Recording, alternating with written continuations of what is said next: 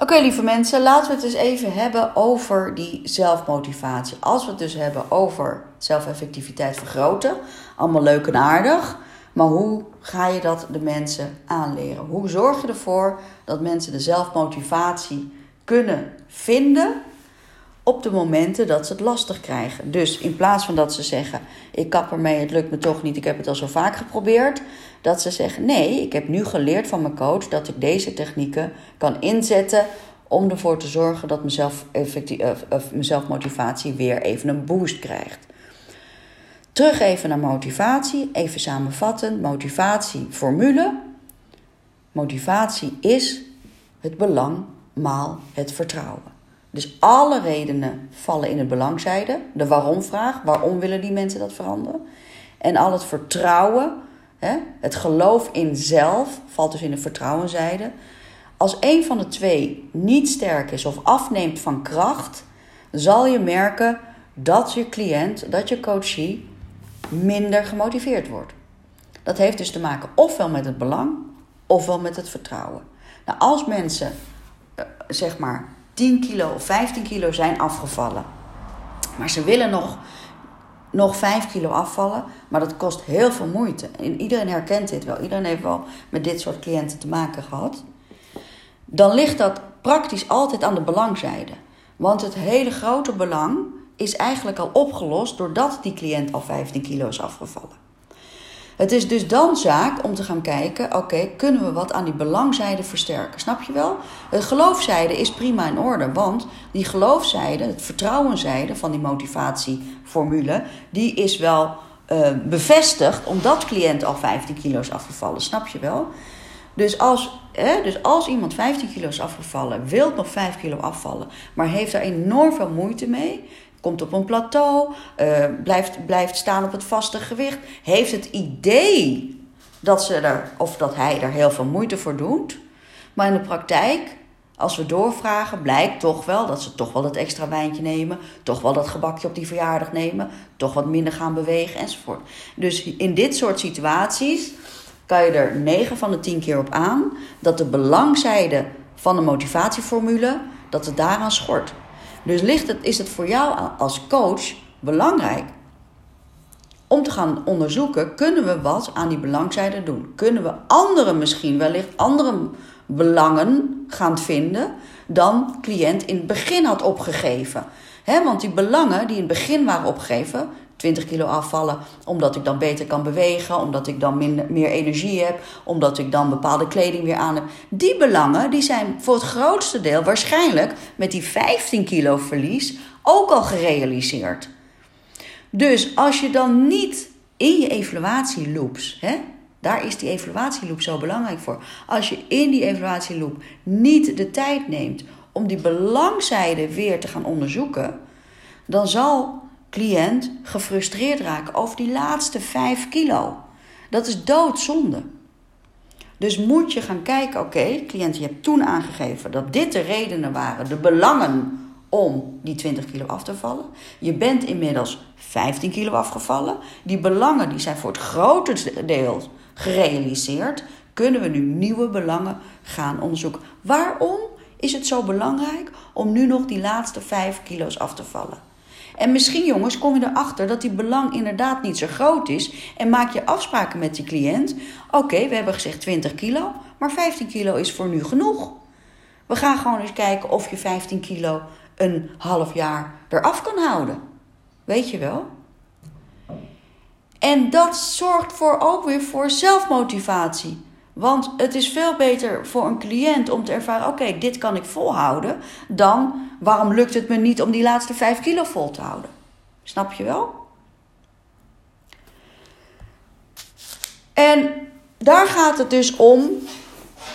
Dan los, dus we hebben gezien, hè, dus als we het hebben over motivatie, we kijken dus naar belang en we kijken naar uh, vertrouwen. En daarnaast kijken we naar extrinsiek en intrinsiek daar is het gaat het over. En intrinsiek is natuurlijk te verdelen in legio verschillende gradaties. Gaan we het nu even niet over hebben. Maar motivatie gaat over belang, maar vertrouwen. Gaat over extrinsieke factoren en intrinsieke uh, motivatoren. Extrinsieke motivatoren, wat ik net al had gezegd, echt, of sorry, echt resultaatgericht. Zoveel kilo binnen zoveel tijd, zoveel vetpercentage minder, zoveel meer kilometer kunnen lopen in een bepaalde tijdseenheid, zoveel minder roken, zoveel minder drinken, enzovoort, enzovoort. Meetbare resultaten, dat is echt extrinsiek. En dan gaan we naar de intrinsieke motivatie en dat gaat over het proces. En dit, de intrinsieke motivatie, is hetgene ervoor zorgt dat mensen een identiteitsverandering gaan doormaken. Dus nogmaals, ik ben echt geen voorstander om te zeggen intrinsiek of extrinsiek is beter. Ze moeten echt in evenwicht zijn.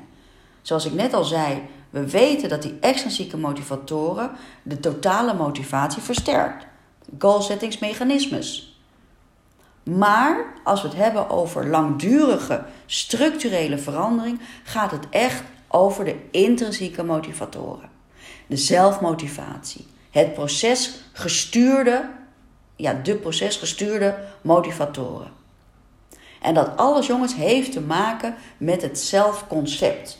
En het zelfconcept kunnen we verdelen in zelfschema's, in het verleden zelf, in het, in het verleden, in het present self en in de future possible self. Die staat in het Engels, maar je kan het zelf vertalen.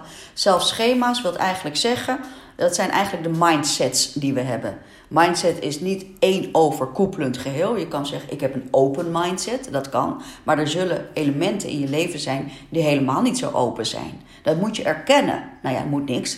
Maar mijn advies is, zeker voor jou als toekomstige coach, om hier eens te gaan in te verdiepen. je kan zeggen dat je enorm open-minded bent. Nou, ik kan je zeggen, jongens, ik ben altijd echt super overtuigend geweest dat ik enorm open-minded ben. Dat ik voor alles open sta, dat ik alles wil ontdekken, dat ik alles uh, goedkeur, uh, bij wijze van spreken, of alles goedkeur, het ging gaat een beetje kort door de bocht, maar dat ik voor, hè, als mensen mij weten te uh, beredeneren, en dan hoef ik het niet eens mee eens te zijn, maar als mensen weten te redeneren, dan sta ik er voor open, bla bla. Totdat mijn dochter van 15 een relatie kreeg met een jongen die uh, moslim was of is. En echt best een hele strenge moslim. In die zin dat hij echt vijf keer per dag ging bidden. Toen kwam ik erachter dat ik toch niet zo heel erg open-minded was. Dat ik het toch wel angstig vond. Dat er toch wel systemen in mijn onderbewuste dus waren en dan kan je zeggen, ja, maar dat komt omdat je de kennis hebt. Dat kan je zeggen omdat, je, omdat ik weet dat er een paar uh, kennissen van mij die zijn door deze, door dit soort, door, dit, door zo'n relatie uh, zichzelf kwijtgeraakt. En, hè, dus dan kan je altijd nog verstandelijk aan beredeneren. Maar dit ging echt in mijn gevoel van angst diep in. Dus, hè, dus ga eens als coach onderzoeken hoe open-minded ben jij eigenlijk. Want het is gewoon zo dat, niet, dat, jij, dat niemand, praktisch niemand, laat ik, het niet al te absoluut maken, maar dat praktisch niemand niet op alle fronten in het leven zo open-minded is als hij zou willen zijn. Er zijn heel veel elementen waarbij je toch wel heel erg fixed-minded bent. En dat heeft te maken met zelfschema's. En zelfschema's zijn mindset, mindset elementen die je hebt. Dus je kan een zelfschema hebben, een mindset over financiën bijvoorbeeld. Als jij dus is, als jij bent geleerd vanuit huis dat, uh, dat geld is, is, is, is, de, is de boosdoener van de wereld, daar ontstaan oorlogen van. Uh, geld, uh, het gaat om je innerlijk en niet om wat je kan kopen. Geld is slecht, hè? dan krijg jij dus een zelfschema over je financiën. Dan zal het best wel lastig zijn, heel vaak, om geld te accepteren en te zien als iets wat je leven kan verrijken. Hè? En zo is dat op alles. Als jouw zelfschema is van bijvoorbeeld hoe jouw prestaties zijn, hoe jij jezelf uh, moet presenteren, je, je acties moet ondernemen en uh, je leermiddelen en je leerdoelen enzovoort hebt, als het van huis uit is meegekregen, je moet je diploma halen. Zonder diploma kan je geen baan vinden en dan kan je minder verdienen. Je moet jezelf excelleren, je moet naar de universiteit, want hè, dan, dan pas kan je iets betekenen in de wereld enzovoort. Dan is jouw zelfschema op uh, jouw uh, kennis is als ik onvoldoende kan leren, als ik die dingen niet heb gemaakt, dan ben ik niks. En jouw onderbewuste, jouw onderbewuste gaat dan denken: nou ja, misschien is die vuilnisman wel minder waard dan die chirurg. Dat zijn zelfschema's. En het kost moed voor jou als coach. Moet je nagaan voor jouw coachie, die daar dus veel minder bewust mee bezig is. Kost dus moed om te onderzoeken wie jij werkelijk bent. De zelfmotivatie, het zelfconcept, start dus eigenlijk altijd bij het onderzoek: wie ben jij? En als je dat gaat beseffen, dan kan je niet ontkennen dat je moet kijken naar wie was jij? Je past zelf. Wie was jij? Wat heb jij meegemaakt? Wie, waarom of hoe komt het dat jij deze zelfschema's hebt ontwikkeld? Die zijn er niet zomaar opeens. Die zijn ontwikkeld door jouw past zelf, door jouw verleden. En dan ga je kijken, oké, als ik dat weet, dan hoe sta ik dan nu in het leven? Ben ik dan überhaupt wel tevreden met mijn leven? Nou, de klanten die jij ontvangt, de coaches die jij ontvangt, die zijn niet tevreden met hunzelf in dit leven. Weet je wel? Want die willen wat veranderen. En je moet dus dat helemaal meenemen. De mindsets, het verleden, het heden, om dan pas naar die toekomst te kunnen gaan.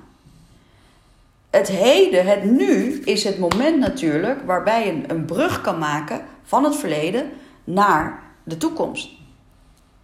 En dat, jongens, is het zelfconcept. En als je deze elementen kan uitspitsen, ja, jongens, dan ben je wel echt heel goed op weg als coach. Want dan ga je dus echt kijken, en daar gaat het steeds om, naar iemands identiteit.